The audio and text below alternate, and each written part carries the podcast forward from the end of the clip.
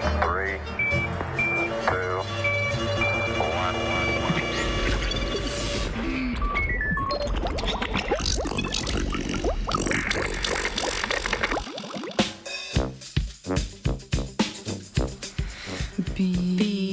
Bila je huda mravljica v današnjem znanstvenem Britofu.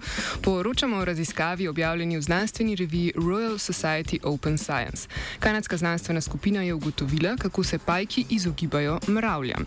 Zaznavajo namreč posebne kemikalije, ki jih mravlje izločajo.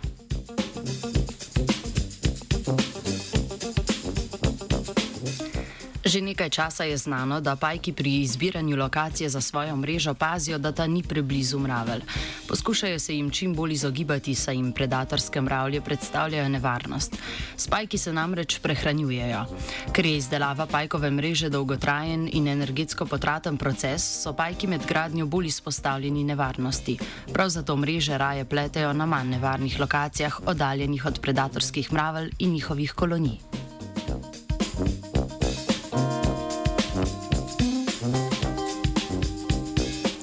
Da bi raziskovalna skupina dobila odgovor na vprašanje, kako pajki prepoznajo bližino predatorskih mravelj, je zbrala več vrst mravelj in pajkov. Uporabila je rdeče vozlaste mravlje, črne mravlje in tesarske mravlje, od pajkov pa omarnega pajka, črno vdovo, navadnega križevca in pajka hobo. Poskus je zastavila tako, da je skupino mravelj vsake vrste posebej za 12 ur zaprla v posodo z navlaženo bombažno kroglico. Na to je pripravila dve posodi, ki sta bili med seboj povezani z majhnim tunelom. V eno je dala navlaženo bombažno kroglico, ki je bila v stiku z mravljami, v drugo pa tako, oziroma tako, ki z njimi ni bila v stiku. Na to je v posodo dodala skupino pajkov in opazovala, kam se bodo premaknili.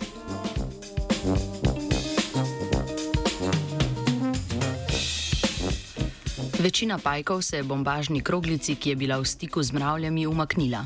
Na njo so se namreč vezale kemijske snovi, ki jih izločajo mravlje in ki jih pajki očitno lahko zaznajo. Slednji so se zato raje umaknili v posodo brez takšne vate. Vse vrste mravelj pa na pajke niso imele enakega vpliva. Najbolj so na nje vplivali rdeče vozlaste mravlje, saj se je večina pajkov, potem ko je zaznala njihovo prisotnost, umaknila v drugo posodo. Za nje so bili najbolj dovzetni pajek hobo, omarni pajek in črna vdova. Najmanjši vpliv so imele na navadnega križevca. Drugi dve vrsti mravelj, torej črne in tesarske mravlje, pa na nobenega izmed pajkov nista zares vplivali.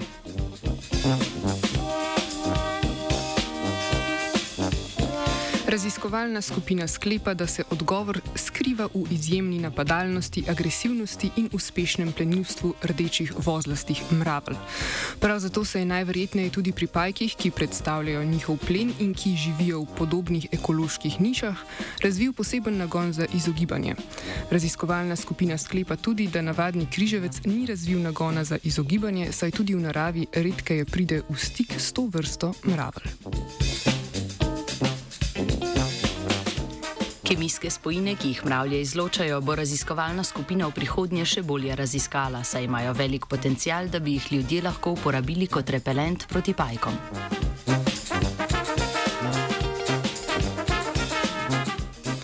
S pajki je pred mravljami bežala Dora.